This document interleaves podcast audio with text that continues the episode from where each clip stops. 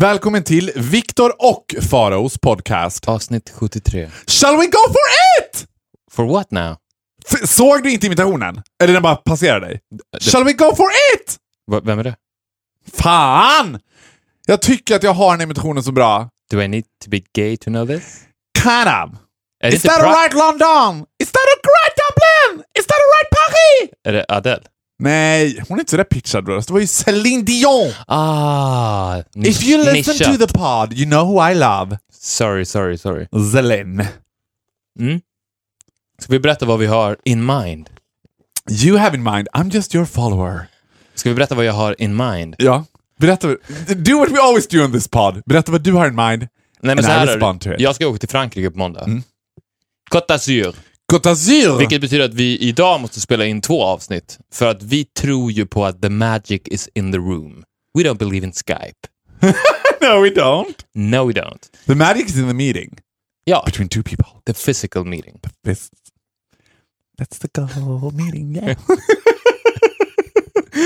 don't get my hopes up here. Så då ska vi spela in två avsnitt. Och då hade jag en idé om att i ett av, ett av avsnitten så möter jag dig. Ja. Och i det andra avsnittet så möter du mig. I'm loving it! Så att det här avsnittet är alltså Viktor möter Faro Groth. Ja. Nästa avsnitt är Faro möter Viktor Norén. Ska vi liksom börja om igen då? Att vi liksom gör ett så man förstår att nu börjar mötet? Det kan vi göra. Det här är ett intro till Viktor möter. Så nu ska Ja. jag då introducera den här podden, ny podcast, som heter Viktor möter, som bara kommer existera i ett avsnitt. Sen Mm. läggs den ner. Ja. Det kommer bara vara en gäst och det är Faro Groth. vi har valt att ha en gäst i dagens poddavsnitt. Ja, i min podd, Ja. Viktor I möter. din podd. I min podd. Nej, men kan vi inte visualisera framför oss? För jag har alltid drömt, alltså, eftersom vi har ju pratat om mina idoler och att jag alltid haft idoler och så här. Och nu har jag ju släppt det här med Celine Dion och kollat på Celine Dion YouTube-grejer och Celine Dion fans YouTube-grejer. Nu har jag börjat kolla på Margaret Thatcher. Aha. That's the new thing. Thatcher the Snatcher som hon kallades. Why? Vet du varför hon kallades Thatcher the Snatcher? Tell us. För att hon var den som tog bort skolmjölken från för att spara in pengar. Bitch. Bitch, she was a bitch. Och då är det ju, alla intervjuer med henne, det är ju sån här scenery, du vet, den är satt på något väldigt lyxigt hotell i London i någon svit, när hon sitter i en stol och så sitter den som intervjuar mitt emot henne. Jag tänker att vi bygger upp det scenariot, att jag får sitta och känna mig så här. I'm, I'm kind of Margaret Thatcher right now. Ja, det, det, fin- det finns ju inget mer egokittlande än att sitta och prata om sig själv i men gud, det finns ingenting jag älskar mer än att bli intervjuad. Så take it away. Okej.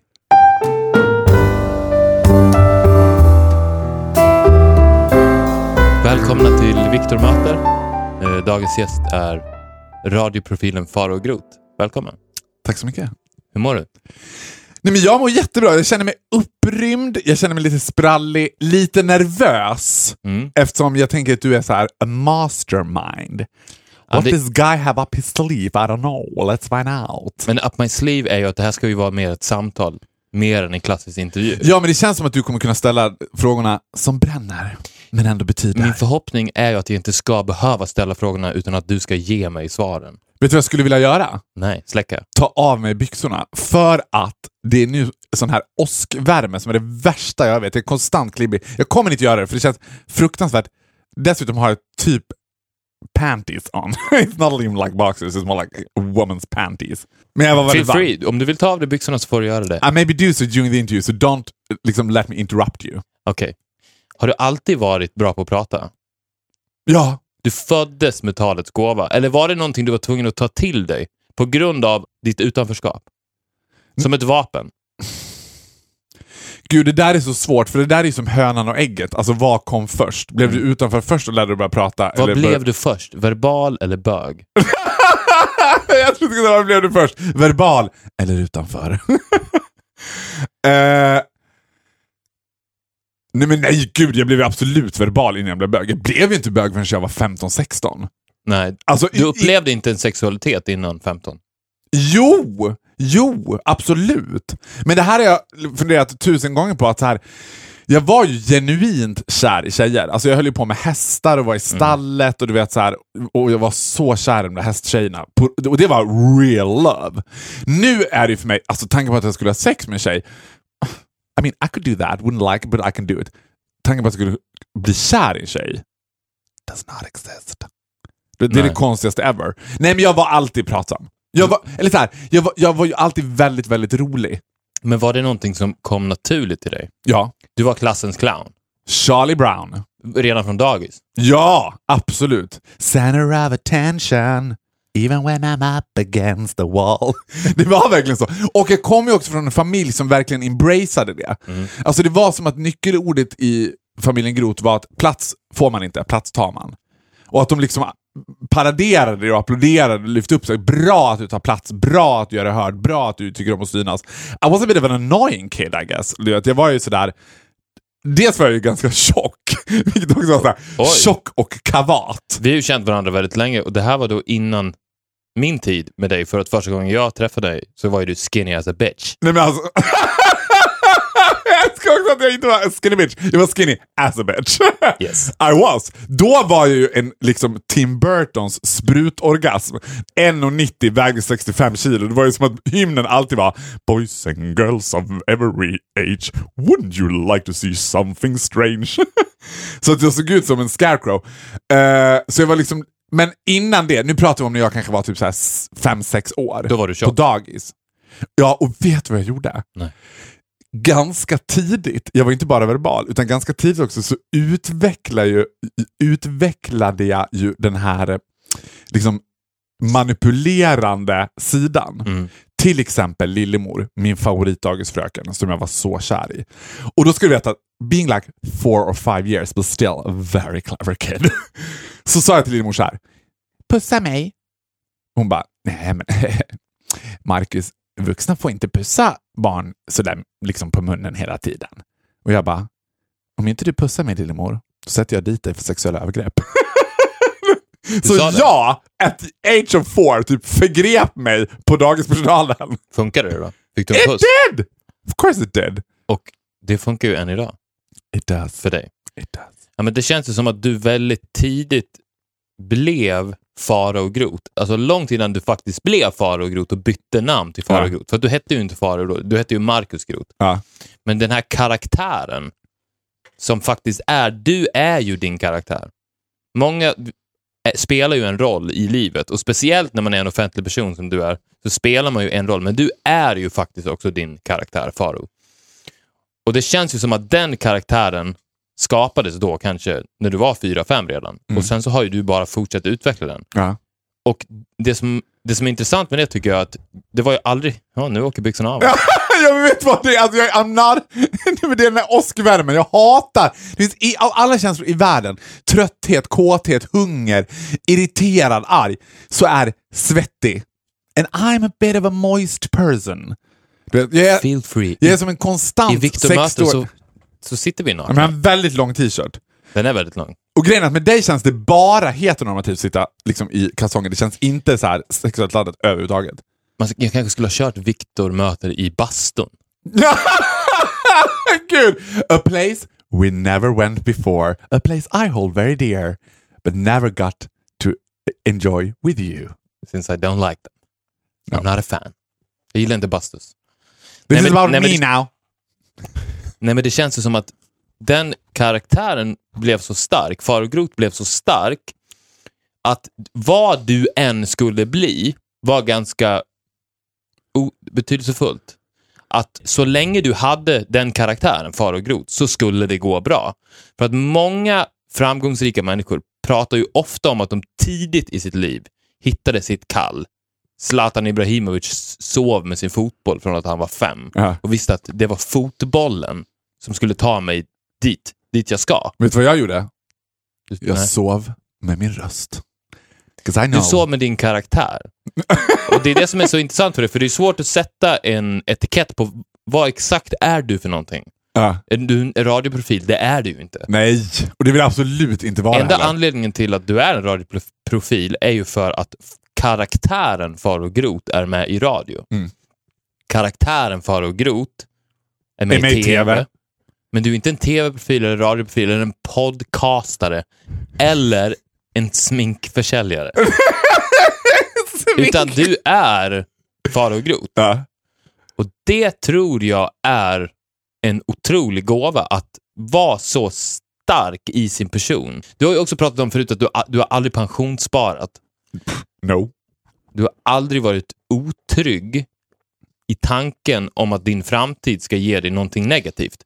Utan du vet om att så länge you stay true to yourself, that is far och grot, så kommer det gå bra. Ja.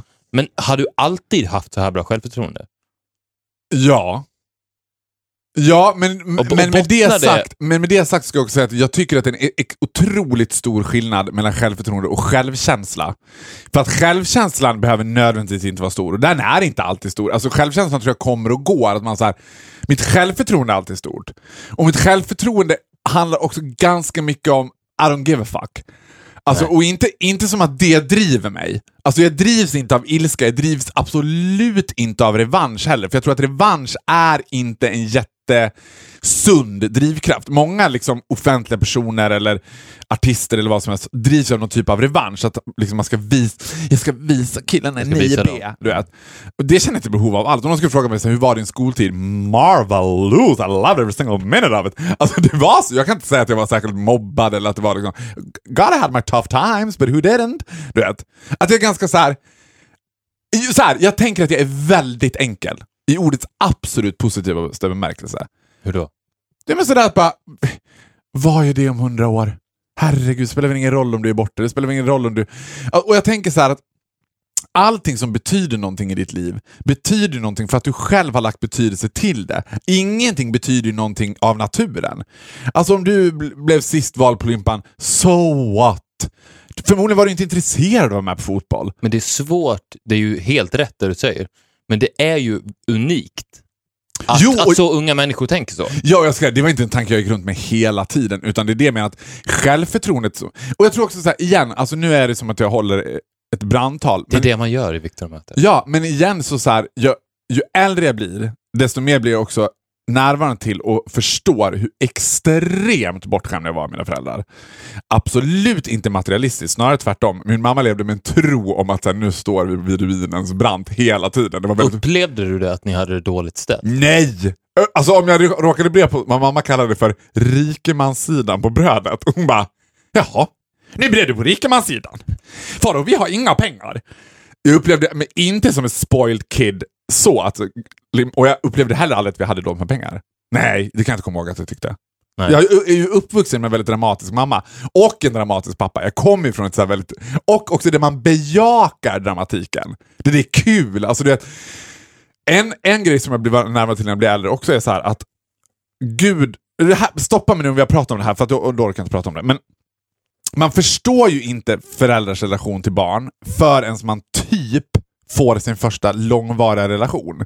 För då är första gången man lär känna ett andra föräldrapar som dessutom ska ha typ någon sorts av påtvingad familjerelation till dig också. Nu är du svärson i den här familjen. Du ska vara en i familjen, men du vet, de har ju byggt upp sina band under 20, 25, 30 år liksom, av olika konstiga konstellationer hit och dit. Och det var först när jag fick min långa förhållande som jag förstod vilken relation man skulle ha till föräldrar. Att jag bara, is this what people do?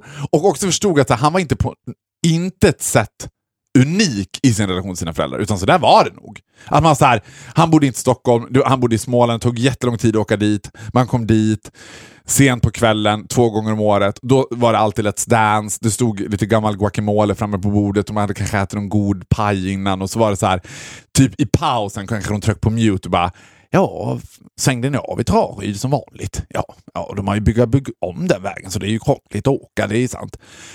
Och that would never exist in my family. Jag har aldrig tittat på tv med mina föräldrar till exempel. När vi ses, då pratar vi. Mm. Och inte som att så här, Farao, hur mår du egentligen? Sånt pratar vi inte om, utan det är så här, vi berättar historier. The art of telling a story. And the art of storytelling, det finns inget jag älskar så mycket. Jag blir sjukt stressad när jag har personer som är dåliga på att berätta en historia och har en asbra historia att berätta och jag bara speed it up! Get to the point! You're missing out on the point. Nej, stopp där! Vänta, ta en paus där. Du vet, jag vill nästan eh, regissera dem. Men det är aldrig ett problem när du är med i rummet. Men usually I, I'm the one telling the stories. That's what I mean. Men mina föräldrar är ju extremt bra storytellers, de också. Och jag kommer på vad idén är, eh, vad gr- grundpoängen är, never say no. Du är en yes man. Nej, men när man berättar en historia ska man vara en yes man. Det kommer ju från min bakgrund i teater också, att där finns en grundläggande liksom, eh, fundament som är att säga ja. Att inte vara den som bara, du vet, det här har vi pratat hundra gånger om, sanning eller inte, överdriv eller inte. Det finns ju ingen värre än någon som bara, Är någon som sätter värde i att vara sanningsenlig. Ja, får jag kasta in en brasklapp där. Sju dvärgar. Jag tror att de var fyra. Sju låter lite överdrivet. Känns eh, lite o... Seriöst att den här Snövit skulle ut och gå, så skulle det vara sju. De, fyra, de kan ha varit fyra. Man bara, men it's a good story. Leave it, it's a good story. Och eh, har du någonsin ångrat någonting? Du pratade om eh, teater. Jag vet ju att... ja, alltså det, neither did I know att det här skulle vara psykolog-Viktor möter. Men gå tillbaka till när du är fyra år gammal. Och, Om vi for once går tillbaks lite grann bara. För att du var ju en teaterapa. Mm. Du gick ju teater på gymnasiet. Mm. Du var väl ganska uttalat, vi sa, vi sa det tidigare om att du aldrig hade haft en målbild om vad du skulle bli. ja. Men du ville ju bli skådespelare. Ångrar, Nja. ångrar du att du inte satsade på att bli skådespelare? Not, not in a million years. Nej. Not in a million years. När jag gick på gymnasiet så var det mer att man sögs in i den där grejen. Men jag menar, många av mina närmaste vänner är ju idag yrkesbetalade skådespelare och I do not envy them. Och det är inte ett kall som är gjort för mig. Jag, I was aiming for something way bigger. Alltså jag är ju inte, jag är ju inte som bäst när jag är någon annan. Jag är Nej. ju som bäst när jag är mig själv. Och det har ju att göra med den här starka karaktären som du är också. Ja. För att det blir ju så att om skulle du porträttera någon annan, Mm. så skulle ju, vem den karaktären än var, Mm. det skulle kunna vara den starkaste karaktären i filmhistorien. Mm. Han skulle ju i alla fall blekna i jämförelse Mm. med den du är. Men stop it. Ja, ja plus att jag tänker så här. Det är ett jobb som alla, alltså jag vet, oh, gud det där är svårt för att Känner du att du har för många talanger? Skulle du... det är helt absurt att bli intervjuad av någon som är lite för partisk också. Känner du att du är världens absolut eh, mäktigaste, vän. finaste vän? Känner du att jag till exempel älskar dig över allt annat på hela jorden? Eh, Ja, men, men jag har inte så mycket talang. Alltså, Nej, men känner du att det hade varit bättre för dig om det var så att... För att ja, man får ju den känslan med skådespelare ibland, Mm. att det blev så att de satsade på skådespeleriet Mm. på grund av att det var egentligen det enda de faktiskt kunde göra. De, de kunde ta regi, de kunde härma andra, de Ja. kunde kliva ur sig själva och prata och memorera det som stod på pappret. ja. Resten var de lite rädda för. Men det kändes som att du hade tidigt så pass mycket potential ihop kopplat med din karaktär som vi pratade om, Ja. Att det lite gjorde till att det skulle kunna vara lite förvirrande. För hade, har du någonsin haft en existentiell kris? Vad, vad, ska jag, vad fan ska jag göra? Nej. För det känns ju som att du aldrig har haft ett tydligt mål. Nej. Och det har du aldrig haft heller. Nej, men jag Men, tror och, och, också... och det, för det är ju ofta sammankopplat med ångest. Mm. Och det är det som också är lite unikt med dig, att du aldrig har haft ett mål och aldrig har haft ångest. Det är så lätt att säga carpe diem, ta dagen som det kommer. Ja. But you really fucking do. jag älskar också att det här är istället Victor möter. Victor talar om för dig hur du är. And I love it. Jag är ju aldrig Victor så... hyllar. Ja, men jag är ju aldrig så bra som när du berättar för mig om hur jag är. Det är då jag är som bäst. Eh, nej, jag har aldrig haft ett tydligt mål. Nej, jag tror... Alltså jag tror inte att det. Jag tror inte att det...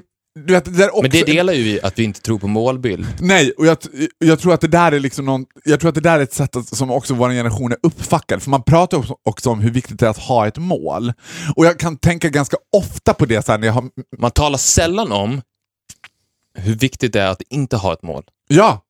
För att, men, men jag tror att this doesn't go for everyone. Jag tror att det här är for certain people. Och att man ska, så här, man, jag tror att man i den utsträckning man kan ska embracea diversity och liksom hylla olikheter. Att vissa är bra på det här, vissa är bra. Det finns ju inget värre än om jag skulle vilja vara jätteduktig på någonting som jag bara inte är ämnad för att göra. Nej. Nej men du ska inte bli hjärnkirurg Farao, och det är inte din grej. Du vet. You could pull it off. jo men det var lite så här. Jag åt lunch idag med en av mina närmaste vänner Jens och så började han prata om att han och hans killkompisar började spela golf. Och då var jag såhär, gud golf? Uh, maybe I can do golf? I can go with you. För jag tycker det är kul att hänga med det där grabbgänget. Och han bara, äh, men Faro, golf är bara inte din grej. Och så blev jag så lite stött, att jag bara, men vadå, hur vet du det om jag inte ens har provat det?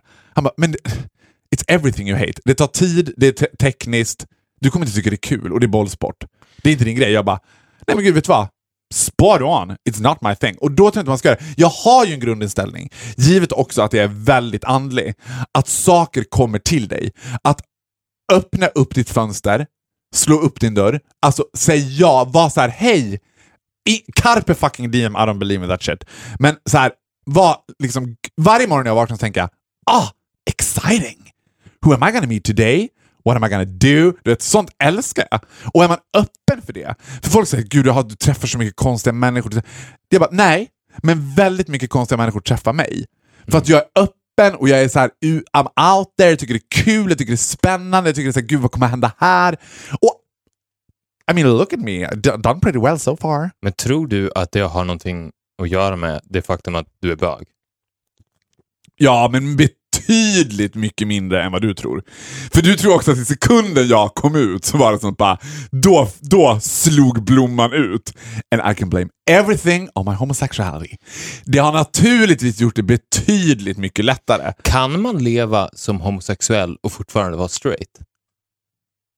Skulle jag kunna leva som en homosexuell man, göra alla de livsvalen, bortsett ifrån sexet då, Mm. som en homosexuell man gör, och fortfarande vara straight? Ja, absolut.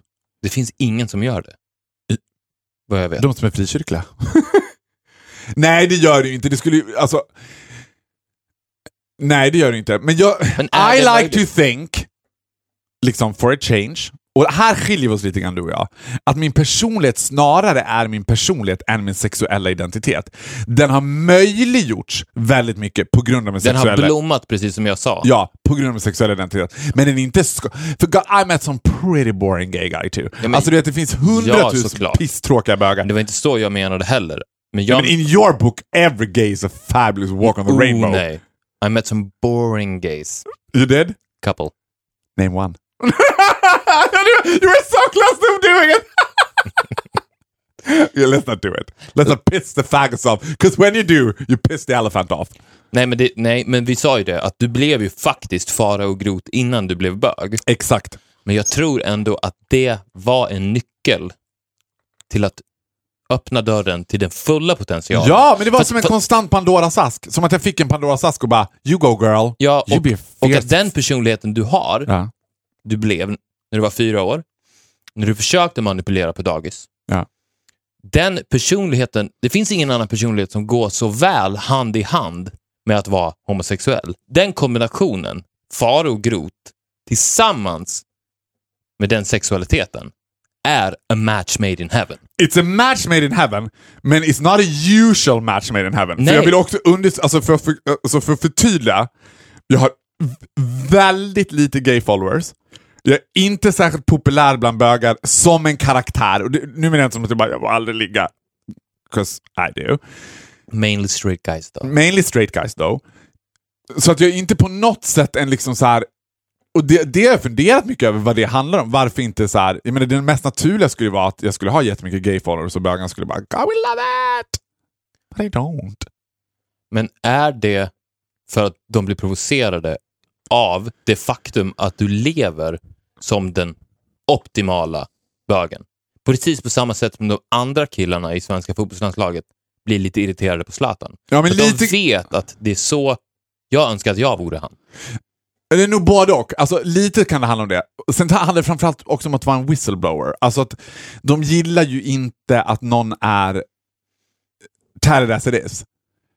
Det finns ju någonting, alltså, så i, gayvärlden så handlar det ju väldigt mycket om att också utnyttja att vara en minoritet och också vad som möjliggörs under minoritetens paraply. Alltså vad kan man göra?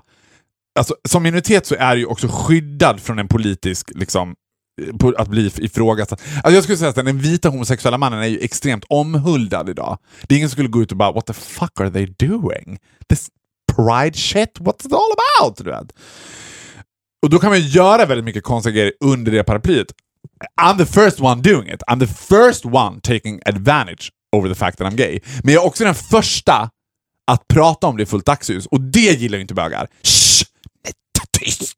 Säg inte att vi förgriper oss på straighta män. Tyst! Nej, men säg inte att vi bastar en och en halv timme när vi gymmar. Tyst! Du vet så. Nej. Det är den sidan de inte vill... Så här, Men går det en dag i ditt liv utan att du pratar om eller tänker på det faktum att du är bög? nej! Då- nej. Det går inte en sekund. vet du vad? Nej, men låt mig säga så här. Har du någonsin känt att det på något sätt försvårar din tillvaro? Eller är det bara a blessing? Nej, men det it's, it's only a blessing. It's only a blessing. Ja. Har du någon Alltså, ibla- sekund i Ja. ditt liv önskat att du föddes som straight? Nej! No. Are you out of your mind? And I am not talking about pussy licking. Nej, absolut inte. Nej. Nej, nej, nej, nej, nej, nej, nej, nej, Om du bortser från det. Ja, nej. Inte att jag föddes som straight, men ibland kan jag önska så här att jag kan ju vara i situationer, om jag, if I'm not in the mood, då orkar jag inte deala med det. Nej. Men det kan ju vara situationer, ja men så här. okej. Jag tänker också så här att jag är arg, inte snäll, jag är homosexuell. För mig är det inte så här liksom nödvändigt att jag ska Alltså jag tänker att jag har en politisk agenda, en politisk agenda som är viktig för mig att Du driva. har taggarna utåt. Ja, fast, fast Mju- Men- Mjuka taggar. Ja, jag har mjuka taggar utåt.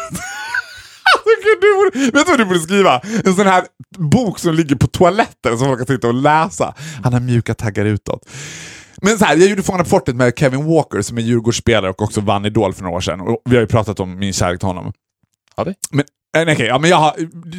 Not in this. Okej. I- He was right up my alley, du vet, och vi became liksom good friends. Men han är också super straight. Det finns ju olika nivåer av straight. Och han var liksom, jag skulle säga att han låg på en nivå väldigt högt straight. Där och usually när jag träffar sådana killar, då kliver jag till och med tillbaka ett steg. Då är det inte läge att börja så här. "Ah, vi snackar det, kommer, det, det var såhär... det kommer inte funka. Det kommer bara inte gå. Men vi blev så här bra kompisar och jag gillar verkligen honom. Jag tycker verkligen att han är en härlig kille. Men så gjorde han liksom the typical straight thing. När han bara, ja men Alltså jag fattar inte riktigt den här grejen med bögar. Liksom. Jag har inga problem med det alls. Jag tycker så här. alla får göra vad de vill, alla får älska vad de vill.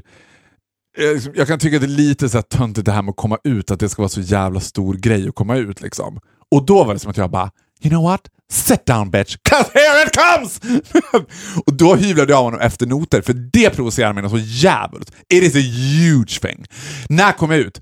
Every single day. It's my duty, it's my passion, it's my kall. It's- Att alltid tala om för alla jag träffar att jag är arg, inte snäll, jag är homosexuell. And I will push it in your face. It's your child. It's my child. It is my child. Så fort, det är alltid, mycket mer än att vara verbal och rolig, så har också homosexualiteten varit min, mitt liksom försvarsmekanism. Kommer jag in i en situation som är ny för mig, så ska jag, ponera, bara leker, Djurgårdens omklädningsrum. Jag ska komma in, av någon anledning så ska jag vara i liksom Du är där för att intervjua dem i, för TV4. Ja, och då skulle man tänka så här, normal bög kanske så här, många bögar anpassar sig, blir lite nervösa. så, ja, Jag är inte bög, jag är inte bög, jag är inte bög. tjena, tjena, nej, vänta. Tjena, tjena grabbar. I'm the opposite. Jag kommer in och bara, Campus fuck. camp as Christmas. Du vet. I'm here, I'm queer, get used to me. Yahoo! Men många skulle nog säga att det var, skulle vara ett tecken på dåligt självförtroende. Tror, Att komma in som superbög. jag tror inte det. Att på, på det sättet, att använda det som ett skydd. Istället för... Nej, vet du vad? Nej, ja, absolut. Jag tror att många skulle här säga blir, det. Ja, absolut. Men det här blir absurt att jag säger det här nu om mig själv. Men jag tror också att det handlar om när man känner att en person är pure. För om man talar om till exempel fjollighet, så här, som är det argument som många tror upp. Jag, jag har lite svårt för fjolliga killar. Och det är ju någonting som snarare är ett uttryck som ägs av homosexuella. Att jag gillar inte fjolliga killar. Att andra bögar säger det. Och fjollighet har ju ingenting med bögeri att göra i min värld. Utan det är samma sak, jag gillar inte fjolliga Du tjejer. är inte fjollig. Nej, jag är inte dugg fjollig. I'm extremely gay, men jag är inte fjollig. Jag gillar inte fjolliga tjejer, jag gillar inte fjolliga killar. För fjollighet är ju mer att dölja bristen på något annat. Det är också att göra sig till. Jag tänker att jag kommer in med, alltså det finns också en aggressiv... Jag har ju enormt mycket sexuell underton i allt jag gör. Och det, i, i den sexuella undertonen så finns det också en ag aggressivitet. Jag tror att man känner it's a burning fire. Du vet. It's a burning rapist. It's a burning rapist, it's a rapist on the rage. Ja. Ja. Jag vet inte vad, nu tappade jag frågan. Nej men att jag, att jag, att jag, att jag tror så här, om, man är, om jag hade varit fjollig så hade man så hade jag skapat en osäkerhet. Jag hade varit osäker själv, jag hade skapat ett osäkert environment runt mig. Du pratar ju ofta om ditt kvinnohat. Alltså ditt sätt att ställa frågor är också jävla bra! okay, ja, ja, okej. Okay. Finns det någon grupp kvinnor du tycker minst om? Ja. Vilka? Eh, ska du gissa? Är det de lesbiska? Jag skulle säga att the lesbians, they are my motherfucking favorites. Lesbians love it. I love the lesbians. So you're super far out. Okay, men det du... var det konstigaste du har sagt Viktor. Lesbiska? Du älskar lesbiska. Men det, ja, okej. Okay. Men, nej, men eh, jag tänker att ni har ingenting gemensamt. Nej, men det finns en grupp kvinnor jag har ännu mindre gemensamt med. And they are? De är mellan 16 och 25 och bor på Östermalm. And I motherfucking hate them. Blond tjej, Fred Lloyd-jacka, du vet så här. Unga, generellt unga tjejer. Unga tjejer överlag? Ja. Unga tjejer unless they are my fans. And if they are my fans I love it. och hur kommer det sig? Att jag älskar om de är fans? Nej, hur kommer det sig att du hatar dem? För du, because they hate me too. Mm. Vi, vi pratade om det senaste dag på jobbet, att det finns en väldigt intressant här, situation som uppstår ganska ofta när jag jobbar liksom, ute på ett varuhus. Då kommer en kille och en tjej. Mm. Killen, killen är liksom lite snyggare än average, eller usually he's in his early 20s and that is good enough for me. Unless he's morbidly obese. Och så, då är ju enda gången som jag ger incredibly good customer service. liksom, om de har en sån där kille i släptåg. Och usually så är det ju tjejen i fråga som ska handla någonting eftersom jag jobbar i the beauty industry. Och så kommer de och så ser, och så ser den där killen blir också oftast överrumplad, för det är oftast liksom småstadspersoner. Och de, alltså, da, jag gillar ju också dumma killar. Alltså, det finns ingen som, jag tycker det, det finns något fint med det här dumsnälla, liksom, ja hej, det är så här, oförargliga. Dum är kanske fel ord, men de är oförargliga. Ja. Och så uppstår det någonting mellan mig och honom. För han är ju alltid tjejens bitch. Alltså han är alltid den som går bakom en och så bara... kallad toffel. En så kallad men, pff, Jag skulle säga att 98% av svenska män är tofflar. Och han går liksom bakom henne och är så här, vet, plötsligt får han lite uppmärksamhet. And he blossoms. Du vet. Han bara verkligen så här, oj gud. Och det blir någonting med mig och honom. Liksom där han bara, oj, liksom, hans liv passerar revy. Han börjar tänka vad jag har gjort för livsval. Vad är det här? Du vet, ungefär som att jag står på andra sidan och bara, over here, where the sun always shining. And there's always a rainbow that you can walk on with me. And there's no women. och han blir så, ah, och tjejen, Because this is the main reason I hate girls. They are clever bitches. De är oftast smarta också, så hon ser what the fuck is happening! Du vet. Och då gillar de att trycka dit så här. De som jag oftast hamnar i bråk med, de som jag oftast börjar tjafsa med mig ute, det är alltid tjejer. Mm. Det är alltid tjejer. Och det är alltid någon typ av så konkurrenssituation som är jätteknäpp om man ser den utanför. Att de så här, du vet, ganska ofta så gillar tjejer att liksom jag gillar ju tjejer som är lite galna och då pratar jag inte om de här tjejerna som bara I'm a bit of a crazy girl. Utan då pratar jag om de som bara Kuku. Du vet, de som är lite knäppa. De som är insane. Insane. För de andra tjejerna, du vet, several times har jag varit i sådana här situationer där, de, där tjejer också tycker om att trycka dit en som bög. De tycker om att poängtera utanförskapet. De tycker om att och liksom Killar är ju bara såhär, jag bara hänger på. Du vet, så här. Den här känslan, den är en heartbreaking känsla som jag tror alla bögar kan relatera till. Du är på en fest, du sätter på dig din finaste bjällerhatt, din rödaste näsa och dina absolut största skor och sen går du in och bara och du vet, and you do the show. Du vet, it's Las Vegas level. Man. Och alla sitter och applåderar och det är hur bra som helst. Sen börjar klockan närma sig två snåret. Då ska de paras ihop. Tjejer, killar, tjejer, killar. Och då är jag så här. The show is over, say goodbye. Och det finns inget moment som tjejerna njuter av så mycket än att ge mig den där sista blicken när de bara jealous huh? Eller tjejer som visar bilder på sina pojkvänner i mobiler. Okay, this is a shout out to all your boyfriends out there. I've seen your dick several times because your girlfriends love to show it off to the gay friends. De gör det. Och det, och det gör de seulement för att säga Men är det här nära vänner till Aldrig. dig? Aldrig. I, Utan det här är random girls. I have four girlfriends. That's all I have. Och de är väldigt konstiga de tjejerna. De är insane. De är inte insane, men de är väldigt speciella. Close to. I didn't say that. Tror du att du är den lyckligaste homosexuella mannen i hela världen? Ja. Ja, men jag tror det. Ja, Men, jag, men du frågade mig? Jag- Ja, absolut. Det tror jag att jag är. Och vad tror du? Jag har ju väldigt mycket teorier om dig, men vad tror Mm. du är hemligheten till den här rena ångestfria lyckan? För att många som skulle se på dig utifrån skulle nog Skulle tycka? gissa på en del ångest. Det tror jag. Ja, för jag tror... Ja, men då tror jag att... Jag tror att man tänker så så fort man inte har träffat mig. Ja, men det, det, För det är ganska det jag ofta menade. jag råkar ut för att det liksom träffar personer Men vad tror du att det beror på? Tror du att det är på grund av dina föräldrar? med både Sölma. mass... Nej, inte Sölma. Jag menar, jag lever inte med dem. De la grunden till det. De la grunden till väldigt ångestfria. Men sen har jag liksom... Men, men vet du vad? Jag, är, jag har väldigt mycket, väldigt kärleksfulla relationer till vänner. Jag har väldigt mycket fantastiska vänner. Tror du att det är för att du har fått så otroligt mycket kärlek i ditt liv? För att det, jag, jag har ju följt med på din resa sedan du var 12 och jag har aldrig träffat en person som har fått så mycket kärlek som du har fått av människor. Alla... Det här, Alltså, jag, jag älskar dig till pieces Viktor, men du måste bli lite nyanserad. det Alltså, här de- är nyanserat. Okej. I'm only an observer. Yes. This is what I saw. Me what you saw. Because what Från- you saw is also in my mind. Från den dagen jag träffade dig första gången, när du skulle göra en intervju med mitt band som prao-elev på Borlänge Tidning. Mm.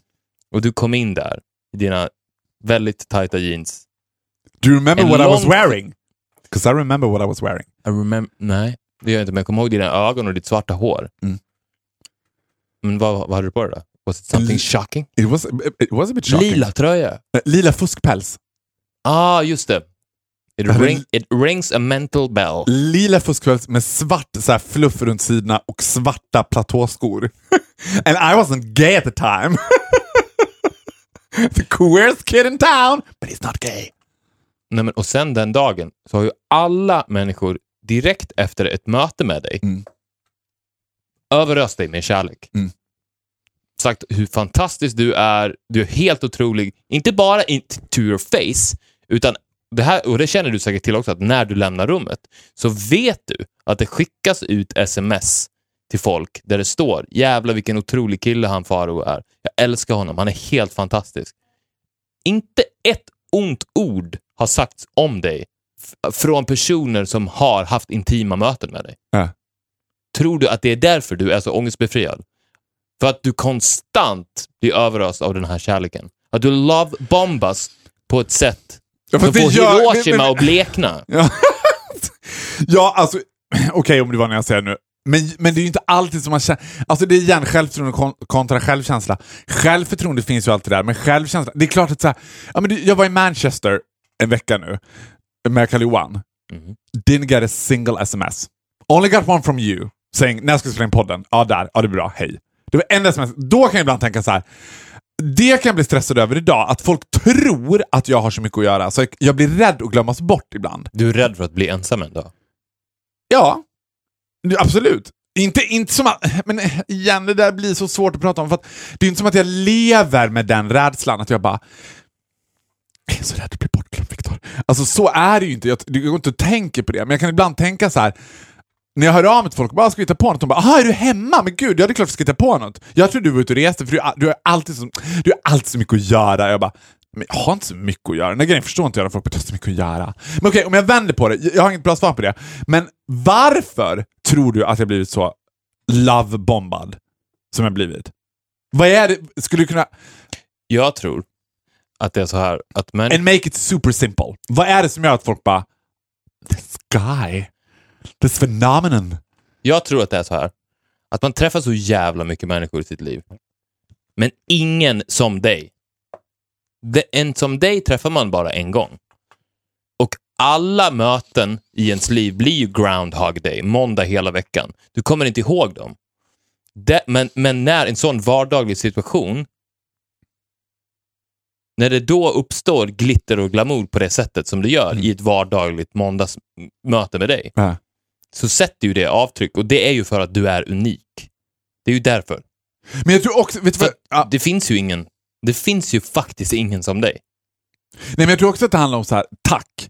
Men jag tror också att så här, en viktig del av det som man ofta glömmer bort, för det, alltså, En annan viktig del, Ja. att du är lång. ja, Alltså om du hade varit kort, ja, hade du varit den du är och varit 1,65, hade varit, I would fucking hate you. ja, det hade varit lite av en, Nej, men det hade varit jobbigt ju. ja, det hade varit jobbigt. Det hade varit lite av en Det är otroligt, vad, just i det, detta unika fall, Ja. hur, hur tungt längden spelar in. Ja. det hade varit att jag switchat från min homosexualitet till längden. I will be everything på din längd från och med nu. Det är längden Farao som gör det. Ja, absolut. Jag tror det är helt rätt. Men jag tror att, får jag säga en sak som jag tror också? För att man, vi kan prata i tusen år om hur fabulous jag är och hur unik jag är och hela det. Men det finns en annan sak som man glömmer i att vara rolig. Att vara så här. Jag tror en grej som jag märker också när jag blir äldre. Jag har ett genuint, oironiskt och helt genuint människointresse. Jag älskar människor. Och det finns, och det skulle jag säga är väldigt ovanligt idag. Det finns ingenting som folk älskar så mycket som att få attention och som att få så här, oj, Och det är inte alltid du gör det här cyniskt. Utan det är nej, men jag skulle genuint. säga, nej, jag skulle säga att jag väldigt sällan gör det cyniskt. Alltså jag skulle säga att det, alltså, med en viss typ av heterosexuella killar där I'm only aiming for the butt, liksom, Mm. att det är cyniskt. Annars så är jag genuint intresserad av människor. Och det blir folk så här, swept away över.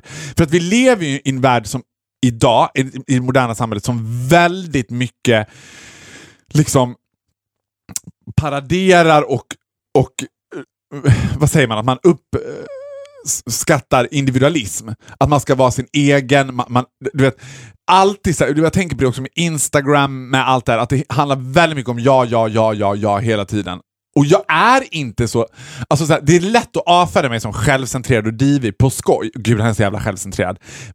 And it's a bit of a lie, för det är jag faktiskt inte. När jag träffar folk så är jag alltså nästan du, li- du, det du gör är att du likar dem in real life. Ja, och Jens, igen, som jag nämnde, han sa så här. När vi blev kompisar, för det här blev en newlywed för mig, alltså en ganska ny relation. Han bara, jag hade aldrig varit med om något liknande. För det var som att ta en vänskap och sätta den i en tryckkammare. Att det blev så här. Och liksom oerhört mycket fokus på mig, alltså på honom. Att jag aldrig varit med om honom. Och det var jag av genuint nyfikenhet. Och jag tror att det går från allt ifrån så här någon kamerakille som jag träffat på Fångarna på fortet som känner igen mig året efter. Bara, ah, the funny guy from last year, du vet. Det är för att det kanske handlar om ett split second möte med honom där jag bara så här, nu är jag här med dig, nu har jag möte med dig. Det är därför jag älskar umgås one-on-one. För så fort two is a couple, three is a party, bring in a third person, then it's a party. Och det är så även, ja, men även i möten med flera människor. Så Ja. umgås ju du one-on-one med alla de personerna Ja. när du ser rakt in i deras själar. Ja, Med dina himmelsblå ögon. Dina swimmingpoolblå ögon. är du kär i mig? Platonically yes. Good answer. Eh, vi tänkte, jag tänkte vi skulle avsluta den här intervjun med tio frågor. Mm. Det här kommer från eh, Du ska inte avsluta med att jag ska göra ett hopp. ett hopp. Det funkar inte så bra i i, podd, vet. i poddformat. Det dör lite. Ja, tio frågor. Det här, de här, det här kommer från eh, James Lipton som har Actor Studios. Har du sett det någon gång? Mm. Han avslutar alltid med de här tio frågorna. De är på engelska, men jag tänkte att jag kan ställa dem på engelska så får du svara mig på svenska. Mm. What is your favorite word? Åh gud vad svårt. Ja. What is your least favorite word? Nej. What turns you on creatively, spiritually or emotionally? Emotionally så är det a black woman's ass on a white man's body. Okej, det räcker. Det Det, räcker. som svar. What A turns you... black woman's ass on a white man's body. Säg det igen. Alltså what hockey did... Emotionally också. Emo Inte sexually, utan emotionally. ja, ja, emotionally. Det skär rakt, in i, skär rakt in i hjärtat på dig. What turns you off?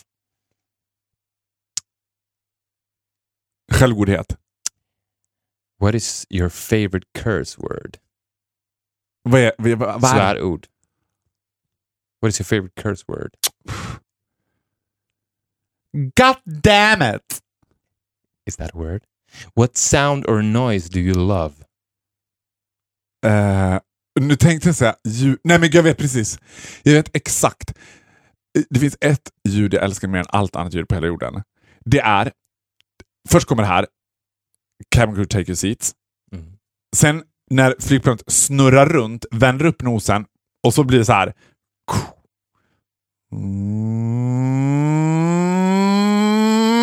Och det där när motorerna varvas precis innan planet börjar rulla. De varvar igång motorerna och sen släpper de henne. Då lever du. And off she goes. Då är jag så här. What sound or noise do you hate?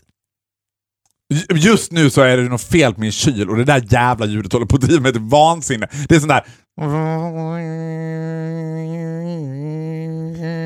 Påminner sig sparkar lite- sönder min... Påmi- Påminner och för sig lite om flygplanet. Ja men det, ingr- det in- doesn't increase. Det är bara ett... Ah, Okej, det är bara ett konstant. Ett flygplan som aldrig lyfter. I fucking hate it. What profession other than your own would you like to attempt? Flygvärdinna. What profession would you not like to do? Jobbar på bank. Okej, sista frågan. If heaven exists, what would you like to hear God say when you arrive at the pearly gates? Welcome to the party! Nej, guys! He's here! He's queer. And he's He's queer! loving every minute of it. Ja, men vad bra. Vi vill tacka dig för att du var med i Viktor-möten. Nu lägger vi ner den här podden. Ja, tack så hemskt mycket. Hoppas Du är att... hedrad enda gäst. Det. Tack för att ni har lyssnat på Viktor möter. Vi syns nästa vecka. Ja, det gör vi. Hej då! Hej då.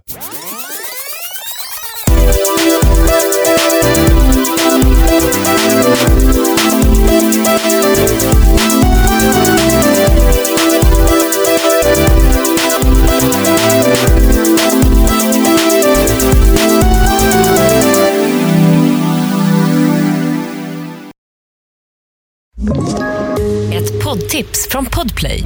I fallen jag aldrig glömmer djupdyker Hasse Aro i arbetet bakom några av Sveriges mest uppseendeväckande brottsutredningar. Går vi in med hemlig telefonavlyssning och, och då upplever vi att vi får en total förändring av hans beteende. Vad är det som händer nu? Vem är det som läcker? Och så säger han att jag är kriminell, jag har varit kriminell i hela mitt liv men att mörda ett barn, där går min gräns. Nya säsongen av Fallen jag aldrig glömmer på Podplay.